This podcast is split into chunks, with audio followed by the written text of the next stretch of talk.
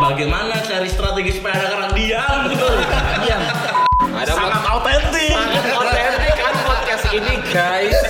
Bahasa yang kita gunakan untuk menutupi kata kurang modal.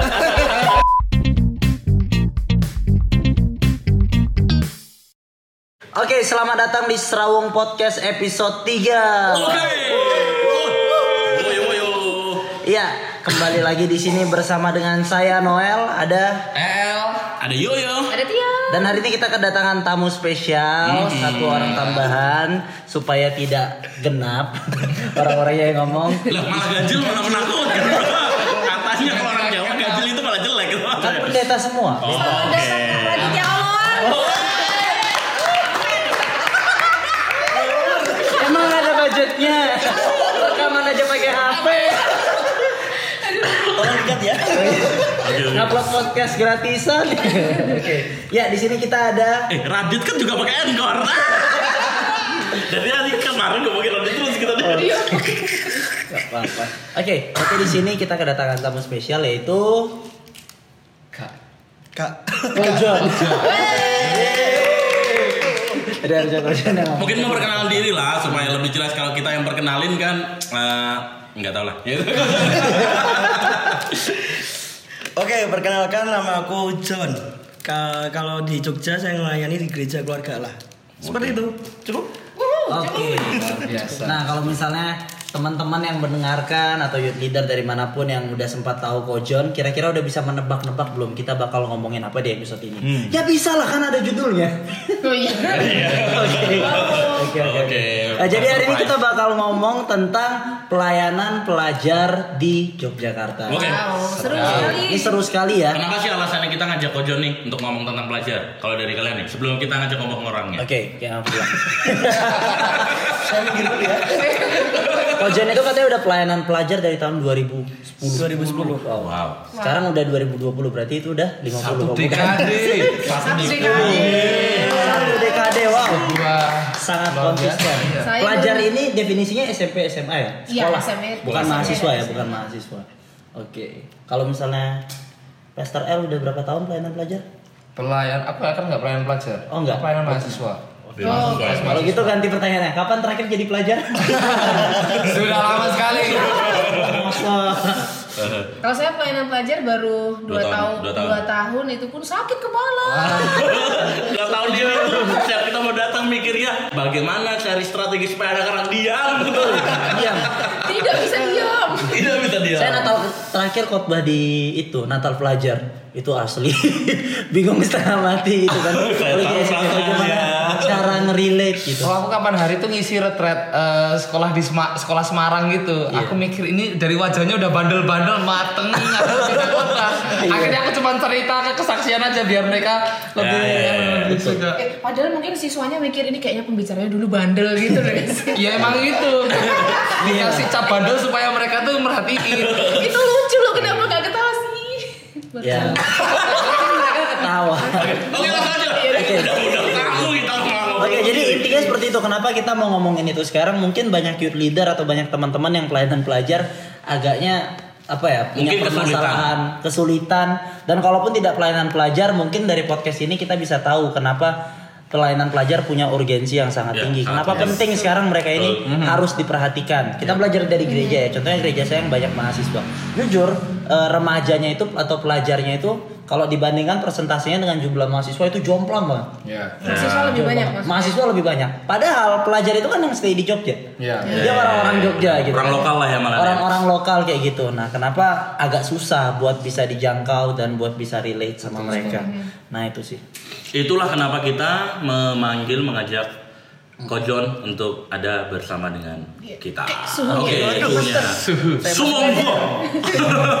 Coba kita cerita dulu deh biar tahu backgroundnya. Kojon, kenapa sih tahun 2010 tuh mau pelayanan pelajar? Oh, pertamanya sih sebenarnya ya balik lagi sih ke apa kehidupan kita masing-masing sih. Maksudnya dulu saya waktu waktu masih SMA kan dulu juga nakal. Saya nakal. Saya juga. Iya, setiap kita pasti nakal ya. Iya. Nah, terus ketika di Jogja, ketika lihat ke kondisi keadaan dan ketika itu waktu itu udah ngikutin sebuah retret dipulihkan Tuhan.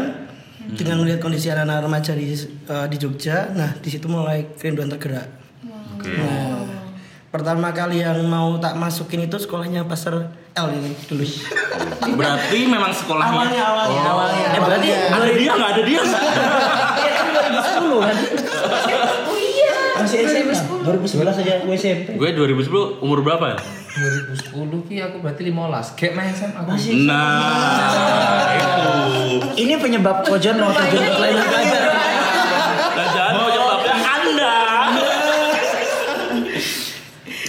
Lalu. Lalu kan waktu itu eh, memang di sekolahnya Pastor L kan memang skill- beda kan. Pengennya penginjilan langsung sana. Tapi ternyata eh, tidak digerakkan Tuhan. Lalu saya melewati sebuah eh, sebuah sebuah sekolah di sebelah Novotel. Saya bilang Tuhan, ini sekolahnya bagus nih. Di sini terkenal banyak tawuran apalagi. Definisi bagus ini. Adalah Oh sekolah yang bagus adalah sekolah yang tawuran. Tawuran. Iya iya iya iya. iya. Dan anak asal saya waktu itu kan aku juga buka omsel. Nah, anak asal saya juga sekolah di sekolah itu. Oke. Dia bilang, "Kok eh, sekolahku ini perlu bantuan ini karena yaitu eh, suka tawuran." Nah, ternyata waktu itu Tuhan ngomong enggak. Sampai satu titik sebelum kau KDW ada satu sekolah lagi. Nah, di situ Tuhan ngomong kamu harus masuk di sini. Hmm. Nah pada waktu itu jujur aku bilang ini SMA udah bagus. Kalau orang-orang Jogja lihat sekolah ini bagus. Itu yang pertama. Yang kedua ini sekolah Kristen ngapain lagi aku harus masuk karena udah Kristen. Oke. Nah di situ ngomong jelas aku mau mulai dari orang yang paling dekat dengan aku. Maksudnya kadang-kali di Kristen sendiri aja nilai-nilai kekristenan itu malah nggak hidup tuh loh. Ya, oke. Nah pada waktu itu jujur aku juga bukan alumni Jogja, aku orang Solo, Sama. sama kan kita nah waktu itu akhirnya aku bilang ini Tuhan kalau Tuhan nyuruh aku di situ tolong buka jalan. Dan puji Tuhannya ternyata memang benar Tuhan buka jalan di sana wow. dan sampai sekarang melayani di sekolah itu Wow. 10 2010 ya. iya awal awal Udah banyak yang lulus. udah banyak yang nikah Udah banyak nikah. Tapi Eh, coba kita hentikan perkataan-perkataan di kado di antara kita ini. Itu mungkin bisa konteks lain lagi cerita lain. Gitu. Jadi halangan itu Eh, apakah bertahan atau tidak dalam sebuah pelayanan di sekolah Menikah. Pernikahan. karena sempat kan guru guru di Bosa itu bilang "Eh, Kak Jung kenapa nggak nyari anak Bosa aja gurunya aja nawarin loh kan posisi saya single waktu itu nyari Saya anak bosa untuk dijadiin pacar Aduh. Waduh. Waduh. Siapa itu gurunya itu? Oke, oke, oke, oke. Ya akhirnya berjalannya pelayanan sampai sekarang dan sekarang juga masih ke beberapa sekolah sih sebenarnya di Jogja itu banyak banget sekolah yang butuh orang-orang yang pelayanan di sekolah Betul. Iya betul. seperti itu Bener, bener, bener. Oke oke oke. Eh, punya itu nggak kok? Punya kayak kan tadi banyak anak-anak yang udah lulus. Pernah apa sih momen yang sangat menginspiring atau menyentuh gitu ngelihat mereka berubah atau gimana? salah satunya sih ketika mereka di masa muda yang sekarang jadi orang yang lebih berhasil sih.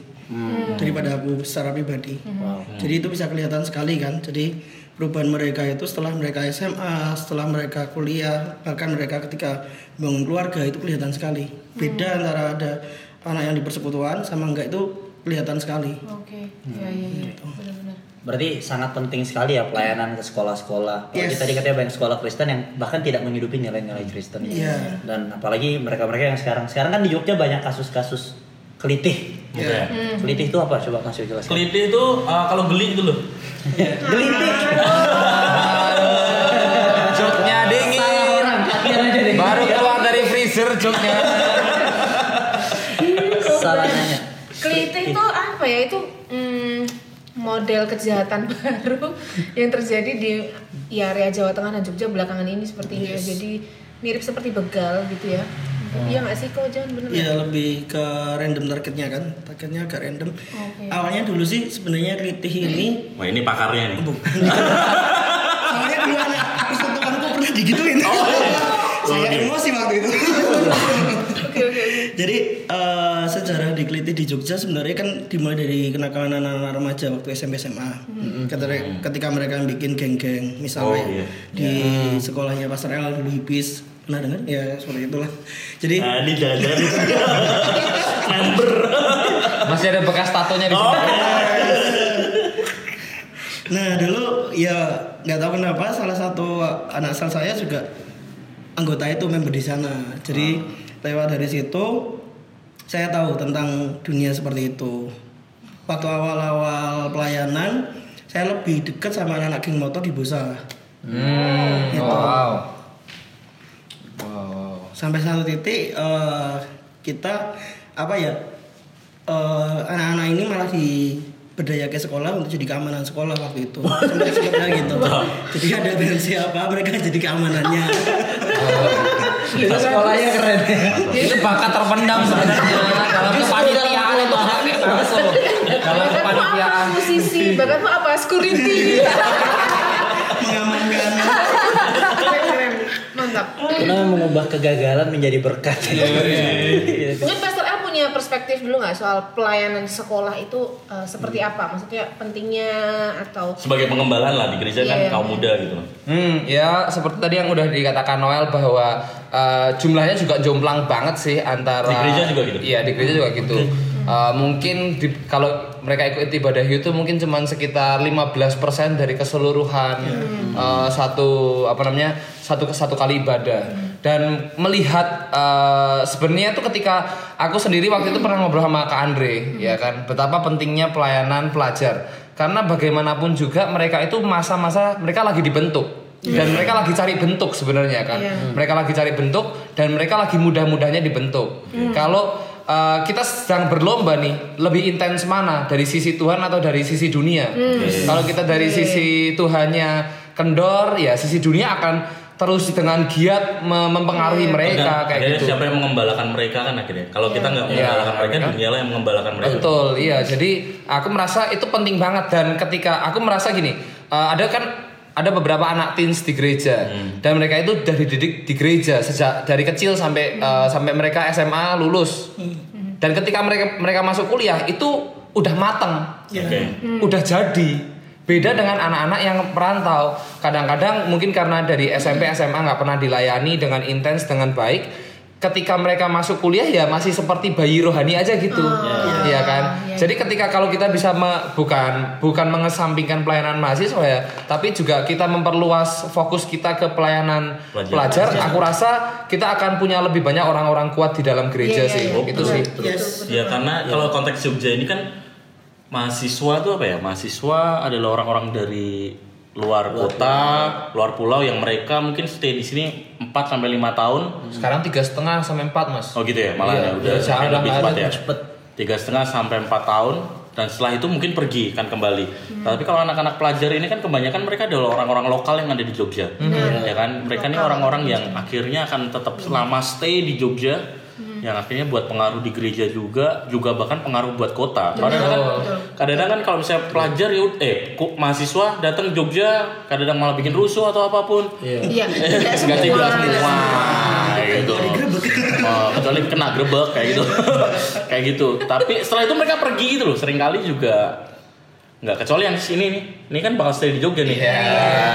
Sangat lokal. Menggembalakan. Menggembalakan. Jadi Noel ini Orang akan gereja saya jangan dengar ini. Oke, oke. Iya. Mungkin titik sambungnya dari uh, podcast kita yang episode 2 kan kemarin temanya Gereja uh, dan anak, gereja dan anak anak muda dan gereja. Jadi ada satu isu sih yang kita bahas kemarin Kojon. Jadi kenapa sih anak-anak teens dan anak-anak muda pada umumnya sih. Jadi sebenarnya skupnya adalah anak-anak muda secara spesifik teens. Kenapa mereka tuh tidak mau datang ke gereja gitu. Nah, ada beberapa hal yang kayak kita ya terpikirlah di pikiran kita gitu. Cuman kalau aku nih ya nyambunginnya ke ke episode 3 ini maksudnya adalah kalau mereka tidak mau datang ke gereja, gimana kalau kita Datangin yang datang ke mereka. sekolah? gitu. Nah, Betul. Itulah kenapa kita melihat bahwa pelayanan eh, persekutuan di sekolah itu begitu penting karena kalau mereka tidak mau ke gereja ya berarti kita yang harus ke sekolah mereka seperti itu. Iya, penting sih buat punya hati. Jadi kita juga ngelihat mereka eh, kayak tadi Mas Yo bilang itu bisa berdampak bagi kota. Minimal kalau belum kita lihat kota, at least ke keluarga mereka. ya. Hmm. Jadi kita bisa dampak ke lingkungan mereka dan itu akan ada banyak dampak yang lebih besar lagi yang kita nggak tahu dan itu lebih jelas dampaknya nanti buat kota. Nah intinya itu sih teman-teman punya hati buat pelayanan pelajar karena semakin banyak orang yang yang diperlukan untuk pelayanan ini. Kalau Oke. kalau di Kojon kan juga di dalam gereja kan pelayanan tenis kayak gitu. Maksudnya gimana kalau Kojon menyikapi dan bahkan gereja di dalam komunitasnya Kojon menyikapi pelajar pelayanan pelajar ini gimana juga? Kalau selama ini sih karena di gereja sering terjadi pergantian pemimpin juga kan. Jadi kadang disetujui pernah dulu saya bikin ke 10 sekolah. Terus karena saya bekerja di gereja, eh, pemimpin kantor bilang gini, "Bu, kamu itu jangan di luar terus, Bu, di dalam kantor." Dan akhirnya disuruh eh, mutusin pilih satu persekutuan di benar-benar difokusin, yang lainnya ditutup Oke. pernah sampai di posisi seperti itu tapi ketika pemimpin saya dapat perimaan yang pas sekarang di tahun ini tuh dia bilang "Eh, sekarang buka yuk ke sekolah-sekolah lagi jadi Wow. ada dinamikanya Jadi juga memang benar-benar gereja juga fokus untuk support pelayanan Iya. pelajar ini juga ya. Wow, wow. Ya. Ya. Keren keren. Kalau pernah ada lika-liku gitu nggak? Kayak misalnya di antara 10 tahun itu ada capeknya udah, aduh kayak pengen berhenti aja. sebenarnya banyak sih Eh, sempat ada tawaran juga kan eh, apa balik ke kota asal terus sempat juga ada tawaran juga untuk lanjutin studi sebenarnya banyak halangan apalagi kalau kita melihat anak-anak itu kan tiap tahun tiap semester itu tantangan mereka itu beda-beda. Oke. pada waktu aku awal masuk itu yang paling kuat itu ya itu kayak tadi keliti kayak Israel tawuran lebih ke arah sana. Tapi untuk yang zaman sekarang itu agak lebih susah ketika mereka udah kenal dunia malam. SMP dugem. nah wow. Gitu. ada yang menarik sih sebenarnya sempat juga apa ya pergaulan di SMP pernah ada seorang anak wanita SMP nanya ke aku Kojon eh, boleh nggak temenku megang? Maaf kata ya eh, bagian tubuhnya dia. Oke. dan aku kaget hah? Kamu tanya ini ke aku? Aku cowok loh. Dia kok. Loh eh, terus aku tanya ke dia kenapa kamu tanya gini? Soalnya teman-temanku ngelakuin kayak gitu kok. Hmm. ini SMP ini ini bukan SMP yang nakal enggak Hmm. ini SMP bagus di Jogja. Dan di situ ketika aku gali-gali-gali lagi ternyata rasa ingin tahu mereka tuh besar mulai dari SMP Ya. bahkan sama jenis cowok sama cowok saling lihat itunya mereka. Yang sama lawan jenis berani coba pegang seperti itu rasanya seperti apa. Jadi lika-likunya sebenarnya banyak sekali dan kita mungkin merasa anak SMP SMA itu masalah apa sih? Paling masalah sekolah paling masalah gambar diri atau apa. Sebenarnya masalah mereka kompleks. Oke. bahkan kalau kita tidak hati-hati apa yang apa ketika mereka menghadapi masalah dan mereka tidak siap menghadapi itu nanti ke depan mereka akan jadi pribadi yang tertutup dan ketika nanti dewasa untuk kita mulihin mereka buka hatinya itu jauh lebih susah Ya. Nah. jadi sebenarnya eh, kita jangkau anak SMP SMA itu banyak sih lika-likunya tapi ketika kita bisa melihat kehidupan mereka berubah keluarga mereka berubah itu ada sukacita tersendiri Oke. Ya, ya. Kalau dilihat-lihat sebenarnya masalahnya anak-anak sekarang itu udah kayak masalahnya orang dewasa dulu ya. Iya. Betul. Iya kan? Masalah orang dewasa jadi masalahnya anak-anak nih sekarang Iya, kayak masalah apa ya permasalahan apa ya kayak degrad alah degradasi apa Turun. secara moral tuh juga permasalahan yang dulu dihadapi orang tua kayak gitu tuh turun ke anak-anak yang lebih Iya, Iya. kayak dugem dulu nggak pernah kepikiran mentok-mentok rokok sama Iya, minum udah gitu doang. Ini nggak bisa dipungkiri emang kemajuan teknologi informasi. Iya sih. Karena Iya. digital, mereka semua kan sudah punya akses ke informasi yang tak Mhm. Jangan kita lah, bahkan dulu kita mau bikin dosa. Katakanlah kita mau lihat gambar-gambar porno gitu di internet, kita harus effort kan, Iya. Harus ke warnet dan ini Iya. segala macam. Anak-anak sekarang kan enggak. udah gadget sekarang- udah dipegang juga Iya kayak gitu. Nah makanya semakin diperlukan pelayanan pelajar Yes. ini, semakin banyak orang yang perlu untuk concern ke sana. Yes. Karena kita nggak pernah tahu. Bahkan mereka banyak kan cerita-cerita di luar negeri yang eh, apa sih merancangkan kejahatan besar itu ternyata anak-anak kecil, anak-anak di sekolah yang udah bisa belajar banyak dan melakukan hal-hal yang sangat-sangat mengerikan kayak gitu. Hmm. Tapi kalau misalnya kita bisa ngelihat perubahan hidup mereka, itu pasti akan Jadi kayak bikin power kita jadi gitu semangat banget. Iya. Yes. Jadi power banget. tapi pernah nggak kok burn out kok bener-bener maksudnya itu Capek. kan faktor-faktor yang dari luar nih kok Hmm. John dari dalam sendiri kan misalnya kok John wah ini kok anak gak berubah-ubah akhirnya kayak capek ah males lah kayak gitu atau memang dari pribadi kok John sendiri pernah ngalami burn out Ini bayangin 10 tahun ini bukan waktu yang sebentar loh ya. Iya. 10 tahun ini sesuatu yang cukup panjang. Pernah nggak ada fase-fase kojon tuh hampir ke dalam tanda kutip menyerah gitu. ya Eh, ka- tadi Yo tanya apa namanya tadi pernah nggak rasanya istilahnya dah mau nyerah? Saya jujur sih puji Tuhannya apa ya ketika melihat mereka itu kenapa saya masih berjuang simpel sih saya melihat hidup saya kalau hidup saya dulu aja eh, nggak berubah-ubah dan Tuhan tidak menyerah. Ngapain aku harus menyerah? Ya. tanda kutipnya di situ. Jadi apa ya ya sempat sih kadang rasa menyerah itu ketika apa misal udah datang jauh-jauh yang datang cuma beberapa anak Asik. itu sering, sering sering banget kadang kayak gitu. Terus pernah juga eh, kita ngalami fase keemasan. Jadi satu kali ibadah itu kita bisa 60 sampai 90 anak di dalam satu ruangan kelas terus sampai satu titik ya eh, berkurang sampai cuma 20 15 orang seperti itu Nah, ini jadi aku jadi ingat. Aku nih sama Tian kan juga pelayanan di Bokri, Bokri 5 Iya. kayak gitu. Yang tempatnya cukup jauh non jauh di sana kayak gitu ya. Siang-siang kayak gitu-gitu. Pernah satu ketika kan kita juga anak ngajak beberapa anak mahasiswa. Ada satu pertanyaan. Jadi aku jadi inget ya, ada satu anak mahasiswa yang nanya juga. Mas kok maksudnya mau sih? Karena aku juga kerja, Tian juga kerja kayak gitu kan. Mau kok mau siang-siang capek-capek dan ke sana kayak gitu. Walaupun ini aku baru 2 tahun, walaupun dalam perjalanan 2 tahun ini juga sempat menggeh-menggeh ya. Maksudnya tarik napas dalam-dalam menghadapi anak-anak yang ya begitulah kayak gitu. Apalagi Tian, Tian kan cewek itu, kasihan tuh kadang-kadang karena anak-anak sama aku udah takut dulu ngeliat tato kan kayak gitu. udah segen dulu kayak gitu. Apalagi agak galak karena agak galak karena aku kayak gitu kadang sama anak-anak. Sebenarnya kalau Tian yang ada di depan, hmm, dah itu awal-awal itu kayak Tian tuh tidak seperti tidak ada pembicara di depan dan mereka berbicara masing-masing gitu. Dan akhirnya ada satu anak tuh nanya, kenapa kok Mas Yu sama Mbak Tian tuh bertahan di sana? Aku cuma selalu bilang ya aku belajar menghadapkan diriku pada Injil gitu loh. Kalau Tuhan juga tidak uh, sabar dengan aku, mau jadi apa aku nih sekarang kayak gitu ya. Yes. Akhirnya kita tuh menghadapkannya dengan Injil juga. Yesus bisa sabar dengan kita, Allah bisa sabar dengan kita. Kenapa nggak kita membangun terus pengertian itu supaya kita bisa sabar dengan anak-anak? Ya, baru dua tahun ini cukup gimana ya rasanya ya? Udah Tidak menjawab ya. Ekspresinya udah kebayang walaupun cuman audio. Dan sebenarnya kalau dipikir mau menyerah dalam pelayanan sekolah itu ya secara logis itu lumrah. Kenapa? Karena kita nggak lihat buahnya hari itu. Nah, betul, betul, betul, itu. kita lihat buahnya itu masih kayak nanti Ya, sekian ya. tahun kayak tadi kan saya bilang waktu nikah, waktu bikin Hmm. kerja apa dan sebagainya hidup mereka benar-benar Betul. akhirnya jadi. Ya. Karena kita nggak lihatnya tuh nggak langsung instan kan Ya, makanya ya. Kadang-kadang lebih banyak jengkelnya pasti. Dan Betul. Dan nggak berakhir juga loh pelayanan sekolah itu. Iya kan Iya. terus ada. Nah, kan terus ada Iya. tiap tahun nggak akan habis banget. aja, iya nggak akan habis aja ma- uh, pelajarnya. Tapi mungkin aja murid-murid yang paling bikin kita exhaust nanti ke depan ngelihat perubahan itu mereka itu yang paling bikin kita semangat. Betul, ya. Justru seperti itu kan. Kita kan kadang ngarepnya itu dapat murid-murid yang alim di depan bawa Alkitab. Adik-adik ada pernah dengar Yohanes 3? Saya hafal satu pasal nggak kan? Gitu ini dikasih Tapi- Alkitab nggak pernah dibawa.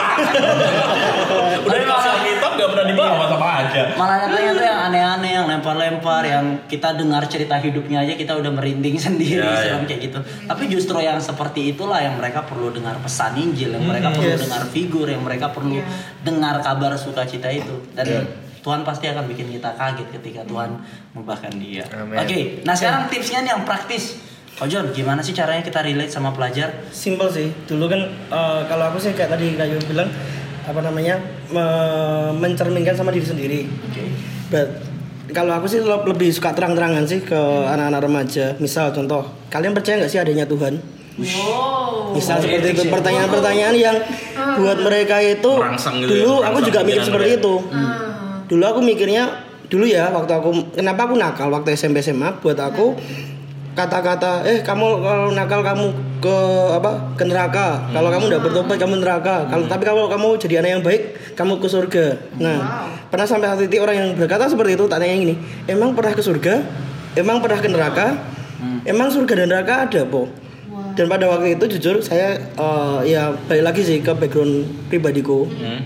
karena dari bentuk fisik terus ada rasa tertolak. Jadi ada rasa di mana Tuhan itu waktu aku dulu ya Aku nggak percaya Tuhan itu ada. Kalau Tuhan ada, kenapa aku diciptakan cacat? Kenapa Tuhan ciptakan aku seperti ini? Kalau Tuhan ada, dan waktu itu pikiranku tuh seperti orang ini komunisme. Kalau mau nasi goreng jangan cuma doa, kerja kerja. Coba kamu sekarang doa minta Tuhan nasi goreng apakah turun? Tidak ada. kerja kerja kerja tipes Sekarang nggak tipes. Apa? Ger. Asal makan. kerja kerja kerja asam lambung lucu banget oke oke oke oke relate banget Eh sorry lanjut kau lanjut. Iya. Jadi lebih lebih apa ya? Kita kan dulu pernah ngalamin masa eh, masa-masa muda di Ya. di hidup mereka juga Ya. kan. Jadi kita bisa lihat, oh dulu cara pandangku ketika dengar firman Tuhan tuh lebih ah masa sih bener nggak sih? Hmm. Contoh waktu dulu sekolah minggu paling yang saya paling ingat ada kakak sekolah minggu bilang gini, "Ah, adik-adik percaya nggak Yesus bisa berjalan di atas air? Semua adik-adik yang yang tidak nakal, yang nakal, yang tidak nakal yang tadi yang bilang, Oh, yang saya apa itu." hayat ini, ini, ini. percaya kak. Nah, Itu anak pendeta biasanya. anda Dua aja. satu doang di sini eh dua Jadi waktu itu aku angkat tangan, terus ditanyain, loh kenapa angkat tangan? "Eh, kakak percaya Yesus kan? Iya kakak percaya Yesus. Tolong kakak itu ada kolam, tolong dia percaya saya. Karena anak-anak zaman sekarang itu kritis sebenarnya, sama kayak kita dulu. betul sekali Kita kan dulu juga nerima agama itu tidak langsung kita terima dengan oh iya saya percaya, tapi kita lebih kritis, lebih emang kalau Yesus bisa berjalan air harusnya kakaknya bisa dong. Nah waktu sekolah minggu itu kakaknya nangis dan ketika saya berhasil bikin nangis saya merasa bangga. mantap Mantap. Jadi sebenarnya sih ya tadi Kak El juga cerita ngomongin jati diri kadang lewat rasa-rasa kritis itu oh ini loh John lebih tahu jadi ada kayak penerimaan diri lebih dibanding ke teman-temannya. Oh ternyata John berani juga ya ngomong kayak gitu ya. Nah, akhirnya eh, dari situ saya lihat oh ya, ya aku dulu kayak gitu kok. Dulu aku waktu firman juga rame di belakang sendiri rame istilahnya. Bahkan waktu altar call masih guya-guyu cekekan pernah sampai ditunjuk sama pendetanya disuruh maju. Saya masih guyon yang belakang saya pak? Atau saya? Jadi kamu yang pakai baju kotak-kotak saya atau belakang saya pak? Ya jadi ya lebih merefleksikan diri kita sih. Dari situ kita bisa lihat oh aku harus seperti ini jadi ingat istilah apa ya? Kita kadang-kadang kita nih orang dewasa lupa bahwa kita pernah jadi anak kecil. Terus. Yes. dalam pelayanan pelajar kayak gini kita tuh juga harus ingat bahwa dulu kita juga ada di posisi sama seperti mereka. Senakal-nakalnya kita dulu sih Yes. sama sebenarnya gitu. Dan ada orang-orang yang sabar sama kita. Ya ya kan? akhirnya kita bisa jadi seperti ini karena bukan karena kita sendiri juga. Aku juga ingat aku tuh di bertobat juga SMA karena ada satu orang yang setia sama pulang ngajak main PS kayak gitu. Jadi pendekatannya dia mengajak main PS sama makan tapi di situ mulai dikasih tahu sedikit sedikit sedikit sedikit dan sabar gitu kadang-kadang aku juga pergi nggak nggak nggak dengerin segala sesuatunya gitu Ya. Wow. Bagi hidup ya intinya. ya Yes. gitu Iya, Pak. Biar bisa relate. Aku, Ada aku lain? mau tanya sebenarnya kan gini, eh, kalau kita lihat sekarang generasi itu kan udah beda banget, ya kan anak-anak muda itu kan beda banget, bahkan di bisnis pun, di cara kerjanya mereka itu kan di artikel-artikel, wah gener- kesannya generasi milenial Gen Z itu beda banget dengan generasi yang dulu, ya kan. Nah, aku tuh beberapa eh, beberapa waktu yang lalu itu pernah datang kayak ke sebuah eh, fellowship gitu antara youth, youth- leaders gitu yang sebenarnya mereka ini orang-orang yang cukup eh, bahasanya kuno lah dalam pelayan, cara pelayanannya. konservatif gitu ya Ya konservatif. Lalu kita diajak berpikir untuk bagaimana supaya melayani generasi milenial ini. Dan ketika dan ketika aku eh, dan ketika aku mendapatkan jawabannya tuh buat aku jawabannya tuh sesuatu yang kayak aksesoris banget gitu loh. Iya. Cuman sangat dangkal kayak oh pelayanan milenial ya komselnya di coffee shop. Iya itu kan kayak sih satu hal sih nggak di gereja terus itu kayak satu hal. Cuman kan ada hal-hal esensi kayak misalnya oh anak yang sekarang itu eh, tipenya seperti ini seperti ini seperti ini yang beda banget ya kan? Kalau yang eh, podcast sebelumnya kan kita bicara soal pelayanan apa? Kategorial Ya. umur ya kan? Dan kategorinya kan beda-beda. Nah kalau yang zaman sekarang ini misalnya kan dalam 10 tahun kak, eh, kak John melayani bedanya tuh gimana sih antara 10 tahun yang lalu Oh, iya. anak-anak sama yang sekarang nih? Supaya mereka nggak eh, dalam tanda kutip orang-orang yang dengerin ini ya bisa relate dengan anak-anak yang zaman sekarang bukan true. oh berefleksi 10 tahun yang lalu anak-anak tuh kayak gitu. Ya beda zaman sekarang Iya, udah beda. pasti, pasti. kalau menurut Kak John itu gimana sih anak-anak yang zaman sekarang? Nah makanya kalau pelayanan pelajar itu selalulah suka untuk belajar. Oke. Jadi kalau aku sih lebih apa ya eh, main ke media sosial juga aktif. Bahkan istilahnya juga lihat instastory anak-anak. Bukan untuk kepo enggak sih. Lebih ngerti belajar dunia mereka seperti itu sebenarnya masalah tiap generasi itu pasti memang beda tapi solusinya tetap sama sih sebenarnya Iya. Ya. solusinya tetap kata Tuhan Yesus kan Iya. jadi eh, lebih ke arahkan ke sana misal contoh paling simpel kalau dia suka ngepul atau biasa kan kumpul-kumpulan anak suka ngepul ngepul Biliar. Oh, biliar. Oh, ngepul. Oh, ngepul. Gue pikir ngepul apa? Bisa apa? Tidak tahu semuanya. Pola apa? Apa? Pul, pul, pul, renang kolam renang pul. Ah, apa sih? Kuno banget ini Mas Yohanes. Oke gitu. Oke, lanjut, lanjut. lebih gini apa ya ya oke mereka jalani dulu jalani dulu sampai satu titik suatu saat mereka akan ada masalah pasti dalam sebuah pertemanan di sekolah sebaik apa pun itu pasti suatu titik akan ada masalah dan di titik itu kita bisa masuk Oke. gitu nah tahu titik itu gimana ya kita harus perhatiin mereka kayak tadi aku misal anak-anak muda zaman sekarang kan eh, memperlihatkan apa kegiatan mereka lihat Insta story, WA story. nah, itu kan kita, kita bisa lihat oh lagi status galau ya kita mulai chat Oke. oh gini gini kayak gitu. Wah. Wah, itu effort banget tuh. Coba pengen dikit. Emang kita suka itu ngeliatin orang. Sebenarnya enggak itu juga. Ya kan? Coba kita tuh paling sebel kalau misalnya liatin instastory udah titik banyak itu Iya. enggak kita enggak kita sentuh tapi kita suang. Kan berganti orang kayak gitu. Oh ini ini effort loh. Ya ya ini Itu perlu belajar benar. perlu belajar juga. Penelitian sih sebenarnya. iya kan, jadi kita tahu sebenarnya apa sih yang ada di benak mereka, Iya. mereka tuh perlunya apa. Dan mungkin harganya di situ justru. Iya, ya. bayar harganya di situ. Lah kan gembala kan dia harus mengenal, Oke. Iya. mengenal domba-dombanya sebenarnya pengen apa. Oh iya juga kan anak-anak kan suka ngelihat siapa yang nge-view juga kan. Iya. Kalau misalnya bayangin aja leadernya nge-view dia, itu mungkin ada satu beberapa perasaan yang muncul mungkin. True. Wah, jangan-jangan di mata-matanya atau yang kedua bagiku mungkin yang kok Kak John alami ini, anak-anak jadi respect. Iya, karena Kayak misalnya, wah aku diperhatiin nih, mau ngeliat storyku ya kayak gitu. Itu mungkin bisa juga kan kayak gitu. Iya. Wow. Dan merasa jadi bagian aja sih. Ya. Merasa ya kita betul-betul dipedulikan, Hmm. nggak cuman sekedar di mimbar dikotbahin, tapi betul-betul oh dia pengen peduli. sih. Pengen tahu tentang hidupku kayak gitu ya. Ya harus harus banyak belajar sih.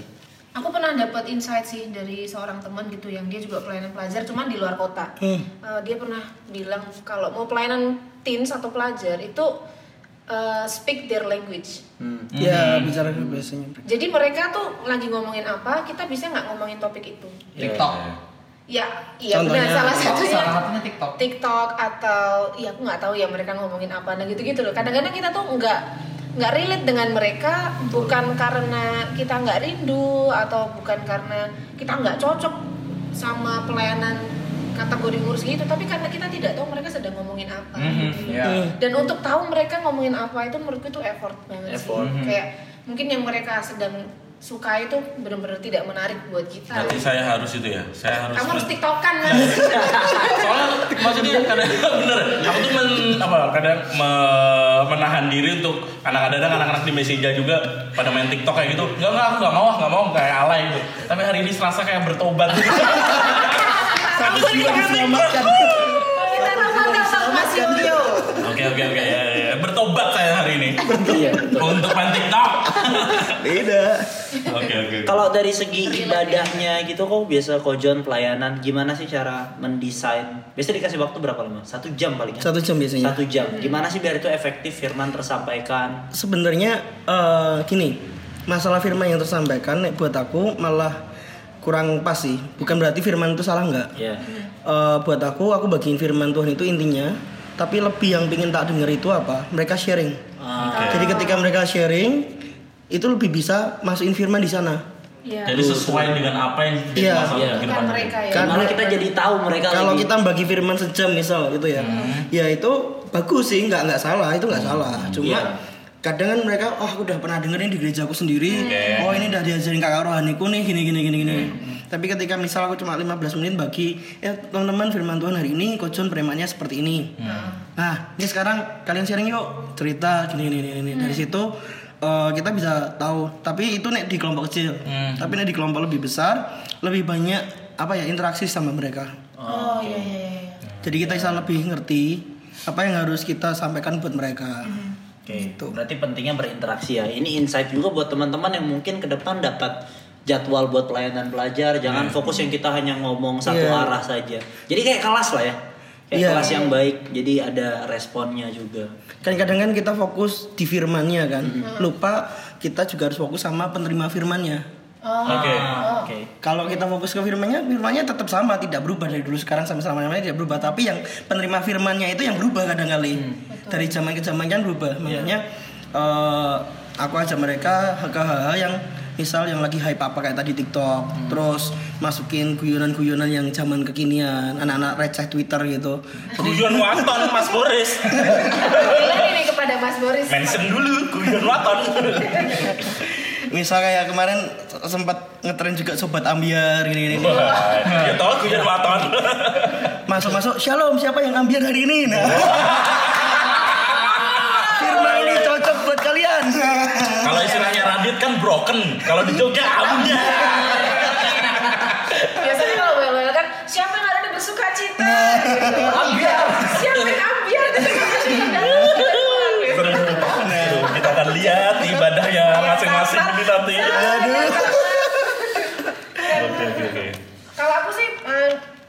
Di kemarin ya pas pelayanan di SMP sih apa yang coba aku lakukan adalah ini kan anak-anak nggak bisa diem ya coach Iya. jadi bener-bener Aktif.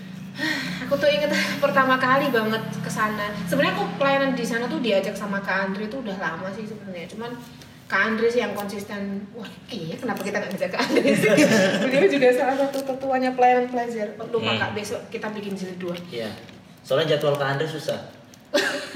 Dia lagi sibuk bikin acara spontan.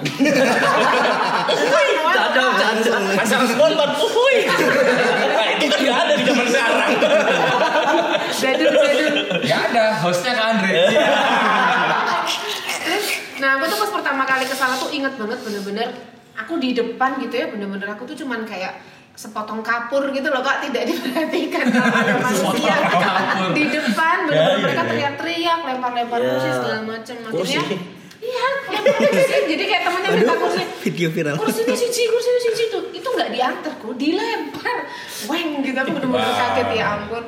Nah hari itu eh, akhirnya aku juga aduh ini gimana caranya? Terus apa yang coba aku pikirkan adalah gimana caranya mereka itu denger apa yang aku omongin gitu Iya. jadi fokusku adalah kalau aku cinta tadi fokusnya kan em, gimana cara kita tuh relate ke pendengarnya gitu ya Iya. kalau aku nih masih masih ya artinya aku masih punya perjalanan panjang tapi sejauh ini aku tuh masih belajar supaya gimana caranya mereka diem Oh. lalu aku ngomong gitu maksudnya nah kalau karena kalau mereka tidak diem aku mau ngomong firman seindah apa pun nggak akan didengar gitu Iya. Kadang diam belum tentu dengar.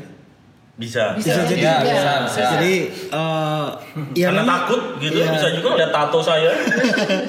ya bisa juga kan kayak gitu. iya iya Tapi yang paling penting sebenarnya kalau kita pelayanan ke sekolah itu, kalau aku loh ya belajar untuk tidak tahu. Jadi lebih tanya ke mereka. Kalau misal, misal kalian punya sahabat seperti ini, eh, menurut kalian, kalian pernah nggak ngalami dikecewain sama teman-teman? Nah, respon kalian gimana sih? Nah, gini, gini, gini. Nah, jadi dari situ, oh cara mereka seperti itu. Nah, saya masukkan cara firman Tuhan. Oke. Kakak juga pernah ngalami loh di posisi seperti itu, ditolak secara fisik dan ternyata ketika saya bertemu pribadi Tuhan, di situ hidup saya diubahkan. Nah, dari situ mulai masuk, mulai masuk, mulai masuk. Oh. Berarti kita nggak berpura-pura atau menebak, mengasumsikan mereka Enggak. kayak gimana, nggak boleh kayak gitu. Soalnya kan kita kadang untuk terlihat pintar kan kayak gitu. Ya. Kalian kan kalau misalnya digini-giniin kan pasti responnya kayak gini kan anak zaman sekarang kan. Padahal dalam hati "Hmm, sok tahu. Ya, Gitu. Nah soalnya kadang kan guru-guru apa ya kalau saya sendiri sebagai pelajar saya mempelajari guru-guru itu untuk membuat anak-anak mendengar pelajaran kan ada beberapa pembawaan. Ada yang coba bersahabat banget, ada yang coba jadi killer banget. Nah itu kira-kira gimana? Kalau pembawaan kakak-kakak sekalian, Mas Yo ini kayaknya galak ya? Enggak, Kalau misalnya mau galak gimana muka udah. Nggak usah berusaha galak kayak apa ya? Kalau aku selama ya dua tahun sama Dian di Bob Kri 5 ini apa ya? Aku mencoba pendekatannya pasti tampil apa adanya sih. Kadang-kadang aku dulu mikir gitu loh, tatoku ini jadi pengaruh jelek ya pasti aku harus berhati-hati juga Iya. untuk tidak ngasih pengertian-pengertian yang eh, tentang masalah tato kayak gitu. Tetapi aku dulu berusaha untuk apa ya tampak lebih rapi atau segala sesuatunya. Aku tampak lebih berusaha untuk apa adanya dengan mereka kayak gitu. Waktu datang kayak gitu, misalnya belum mulai, aku main bola sama mereka. Jadi nggak jaim gitu loh. Kadang-kadang sebagai kakak yang udah terlalu jauh ya, aku jauh banget main sama mereka. Apa misalnya? Umur oh, jangan bilang bilang gitu ya. Aku nih 30 tahun anak SMP anak SMP itu berapa? 14 setengah umurku kayak gitu. Uh, kayak setengah umurku mereka kayak gitu. Jadi cukup jauh kayak gitu. Aku juga sempat pusing gimana pendekatannya kayak gitu. Tetapi kan lebih enak anak mahasiswa ya yang agak lebih dekat juga ngomong tentang logika segala sesuatu mas masuk kayak gitu. Anak SMP kayak gitu. Ya ampun, mereka tuh ngajak ngobrol serius saja juga susah kayak gitu. Akhirnya aku mencoba pendekatannya ya main bola sama mereka. Terus kalau pendekatan awalku juga aku akhirnya deketin lewat satu orang anak yang namanya Victor ya. Itu yang cukup spesial sih anak ini kayak gitu. Karena anak ini tuh mungkin awalnya tidak cukup diperhatikan sama teman-temannya kayak gitu. Akhirnya kita juga pendekatan ke anak ini bahwa kita memperhatikan si Victor ini. Dulu awalnya si Victor ini sering dibully lah kayak gitu. Akhirnya mendekatinya lewat Victor lewat pertemanan yang mereka ngasih kepedulian sama seseorang. Jadi belum ngomong banyak hal apa tentang firman atau segala sesuatu tapi mencoba apa ya? Mencoba dekat dengan mereka lah paling nggak berusaha dekat dengan mereka walaupun ya tetap ada jarak ada nih ngomongin apa? kayak gitu. Ada sesuatu yang tidak kita sangka-sangka. Misalnya waktu itu kita ngajak main. Aku sama Tian ngajak main ke Lipo tuh mana? Di Seven Sky kayak gitu. Aku nih punya kamera kan mereka tahu kayak gitu. Tiba-tiba ngajak ngumpul anak-anak dan mereka tuh tiba-tiba nyewa kamera untuk selfie selfie kayak gitu. Itu sesuatu yang nggak pernah tak pikirin kan? Dan mereka tuh hanya untuk tampilan di Instagram segala sesuatu mau nyewa sampai seperti itu nah hal-hal itu yang mencoba aku pahami dan akhirnya deket sama mereka yang ngajak foto mereka gitu ya itulah. Walaupun ya cukup masih sangat panjang nih perjalanannya kayak gitu. Yes. Ya, ya itu perjuangan sih. Zaman sekarang tuh masih ada nggak sih yang galak-galak gitu? Kalau dulu kan mungkin bisa efektif ya. Tapi kalau Hmm. aku rasa buat anak-anak sekarang yang power gitu, pokoknya nggak ada yang boleh ke toilet, HP keluar dikit langsung ke situ yang gitu-gitu kan. Eh tapi aku galak sih menurutku. Oh, iya. Iya, iya Ya, bukan. sih? Aku kadang-kadang aku sadar sih pak. Tapi pulang aku pasti dalam hatiku kayak, ah, I'm not supposed to do that gitu. Ah, Tapi Sedih. uh, ada ada kalanya ini kayak gini, aku mencoba apa ya? Memahami kan memang seko- ini per sekolah beda ya. Nah, bab kelima ini kan spesial ya anak-anaknya ya. Maksudnya Special case. special case kayak gitu. Mungkin tongkrongan mereka di kampung kayak gitu adalah dengan preman-preman loh. Dan mereka respect kan sama preman. Iya. Nah kayak gitu. Oh, aku respect sama anda. aku pernah dengar ini dari Ko Andi maksudnya. Aku lihat juga belajar dari Ko Andi satu per- satu penjelasan dia yang baik kayak gitu. Anak-anak kan yang kadang-kadang mereka tuh nakal. Mereka tuh lebih idolanya mereka adalah yang nakal-nakal nih gitu. Yang nakal-nakal. Kalau kita pendekatannya terlalu formal dan terlalu suci, Hmm. Itu juga cukup sulit nggak? Tapi kan kayak gini, wah mereka di rumah punya sosok yang preman yang mereka kagumi, tapi di sekolah juga ada sosok preman nih kayak gitu ya, ada yang galak yang kayak gitu, tetapi mengarahkan mereka kepada yang benar. Itu menurutku juga bisa jadi apa ya? Salah satu jembatan. Salah lah jembatan ya, Iya. memang case kita harus kayak kojon, kita harus ngerti anaknya ini modelnya seperti apa sih, Iya, kayak gitu betul. juga sih. Aku pernah pas bawain Firman tuh aku berhenti ada kali 5 menit sampai 10 menit. Itu gara-gara ini ada satu anak tuh dibilang ribut banget. Aku aku tuh ngotot-ngototan sama dia gini. Oke, kamu atau Kak Tian yang ngomong gitu-gitu. Terus Dia masih ngomong terus kita, aku tuh diem bener-bener 5 menit. Kak Tian kalau mau dengerin di dalam, tapi kalau mau ngomong di luar. Jadi kamu pilih yang mana? Tak tunggu 5 menit sampai dia keluar tapi besoknya dia datang lagi sih untungnya gitu aku nggak tahu kenapa dia datang mungkin eh, itu ada syarat nilai agama atau gimana cuman kadang-kadang kayak Iya. aku pengen gimana ya pengen bela- pengen mereka belajar untuk respect kalau ada yang berbicara Iya. Terus Which is itu kayak iya, Sering sih. iya Aku pernah juga ya, Pak.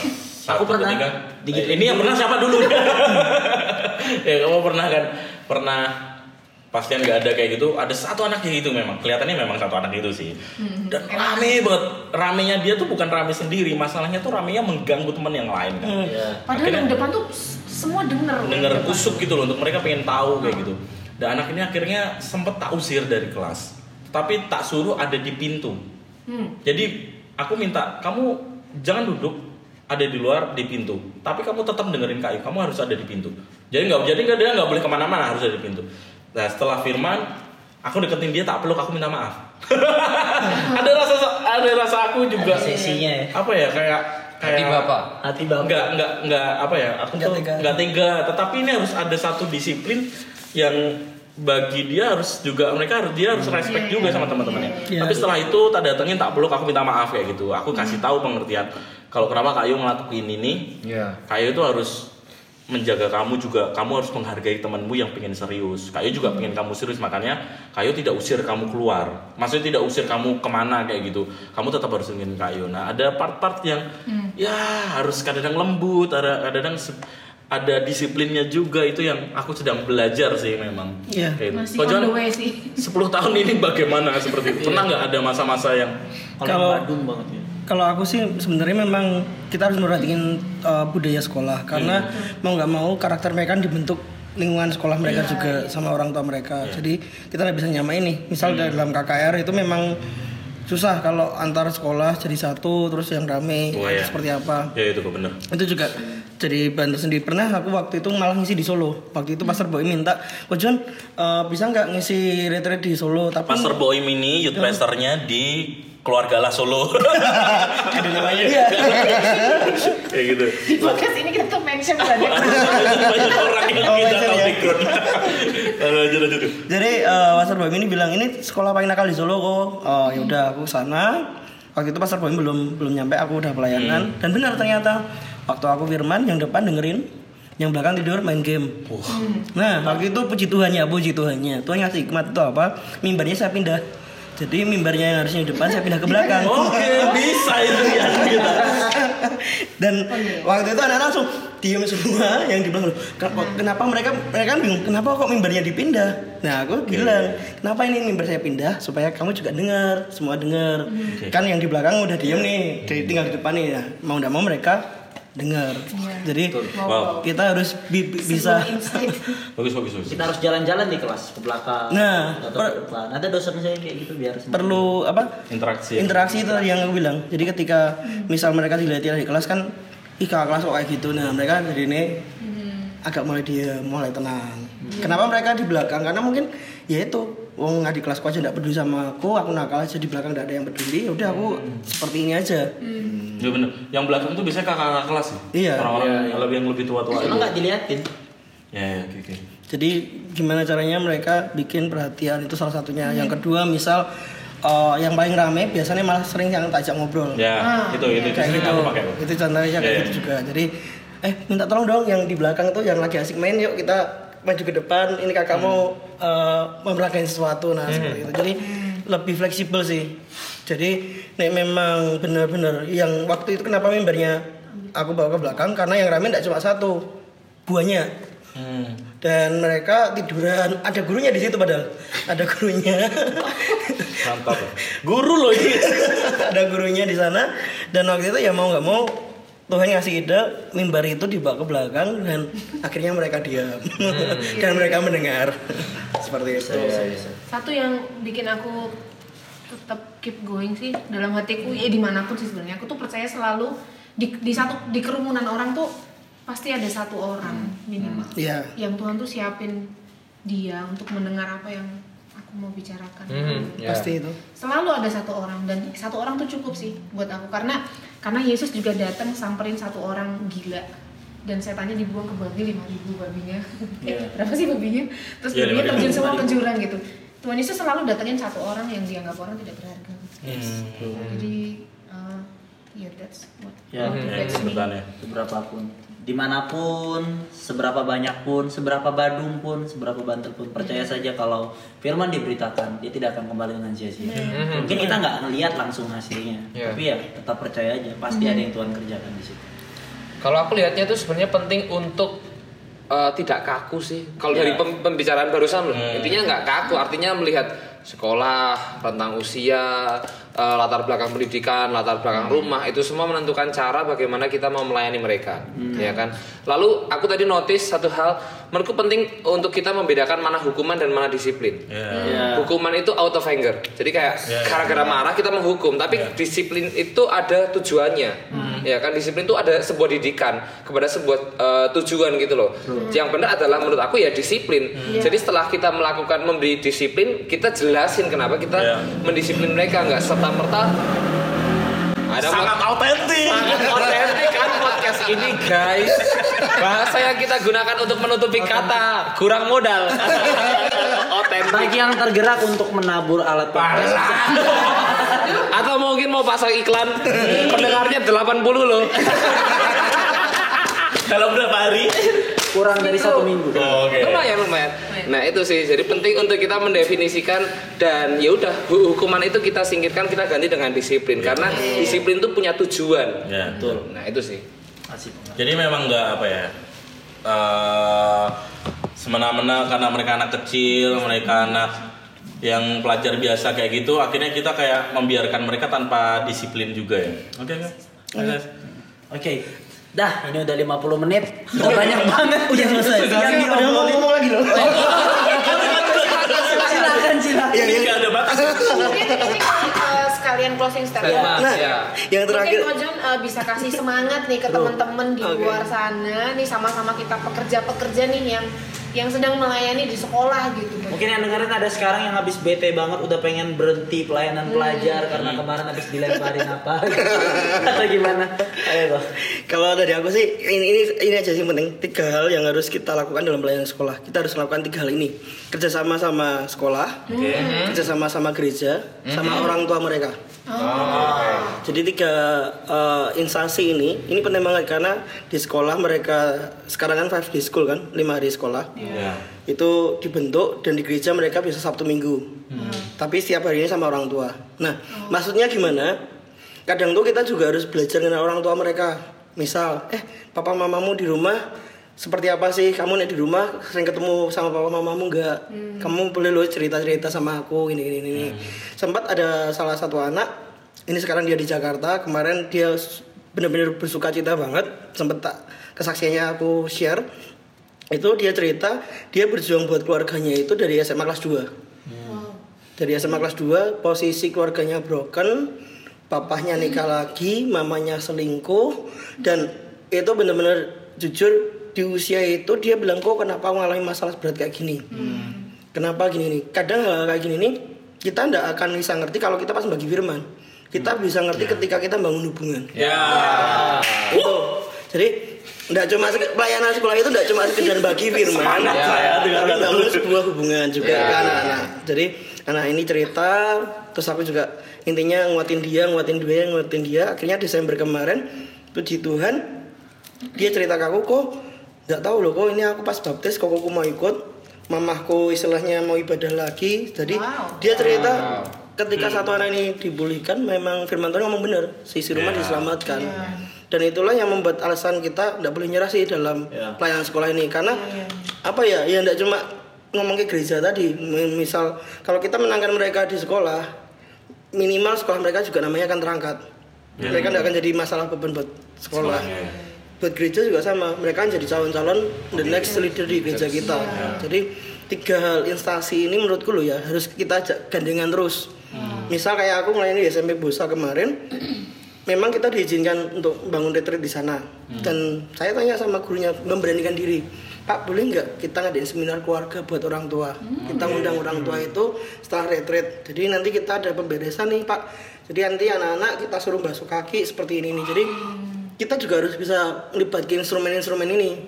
Lewat sekolah kita juga melibatkan mereka. Maksudnya kadang-kali kita lihat sekolah itu ya udahlah nih ada kakaknya udah ditinggal selesai. Nggak ada apa hubungan timbal baliknya. Biasanya aku lebih nanya lagi pak kalau retreat tahun ini bapak pengen nembak apa sih ke anak-anak? Permasalahan di kelas tuh kayak gimana sih? Anak-anak itu selama ini seperti apa? Dari situ kita bisa ngerti kalau lewat gereja jujur kalau pelayanan yang tak layani se- selama ini saya nggak ada beberapa gereja. Makanya nggak cuma di keluarga Allah sendiri. Karena kalau di keluarga sendiri nggak nggak akan mampu. Karena ladangnya begitu besar Ya. Iya. begitu banyak. Bayangkan kemarin kita diserahin sekitar 200 anak dan di situ jujur nih secara eh, kapasitas gereja mungkin tempat ibadah cukup tapi secara pertumbuhan rohani kita tidak mungkin bisa Ya. Oke.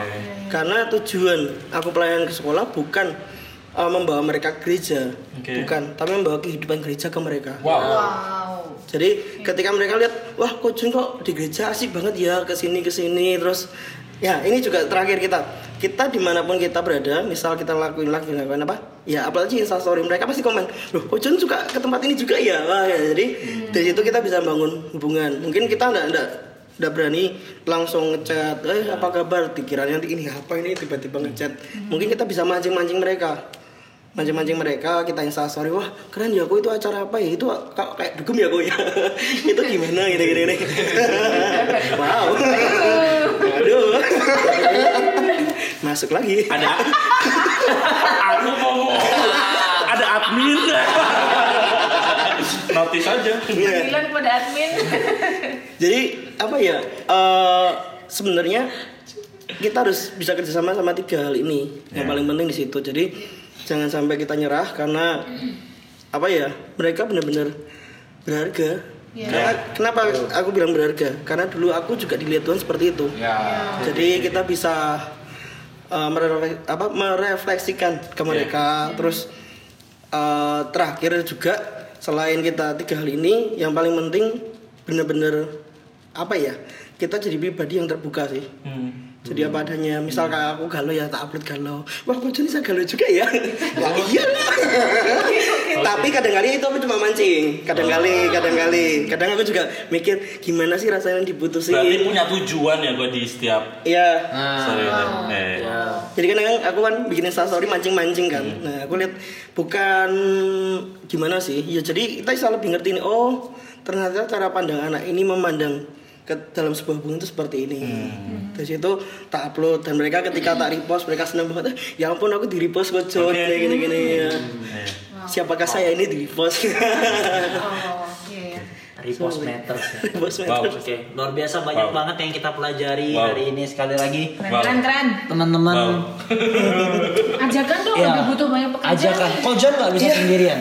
Yap. Kojon nggak bisa Banyak sendirian. sekolah Mas loh. Yo, Kak Tian semua nggak bisa sendirian. Kita perlu lebih banyak orang Yes. yang punya hati buat jadi pekerja dan kita percaya kalau misalnya semakin banyak orang-orang yang punya hati, pasti Jogja bisa dimenangkan. Ayo tim Serawung. Iya, balik lagi ke situ sebenarnya. Tim Serawung. Jangan lupa buat serawung, kita nggak bisa sendirian. Oke, sekian podcast kali ini. Terima kasih sudah menonton sampai Ya, sekarang. sama-sama. Jangan lupa kalau misalnya ini sangat bermanfaat bisa di share di instastory kalian. Dan kalau kami repost mungkin kalian akan merasa sangat bangga. Kayak tadi.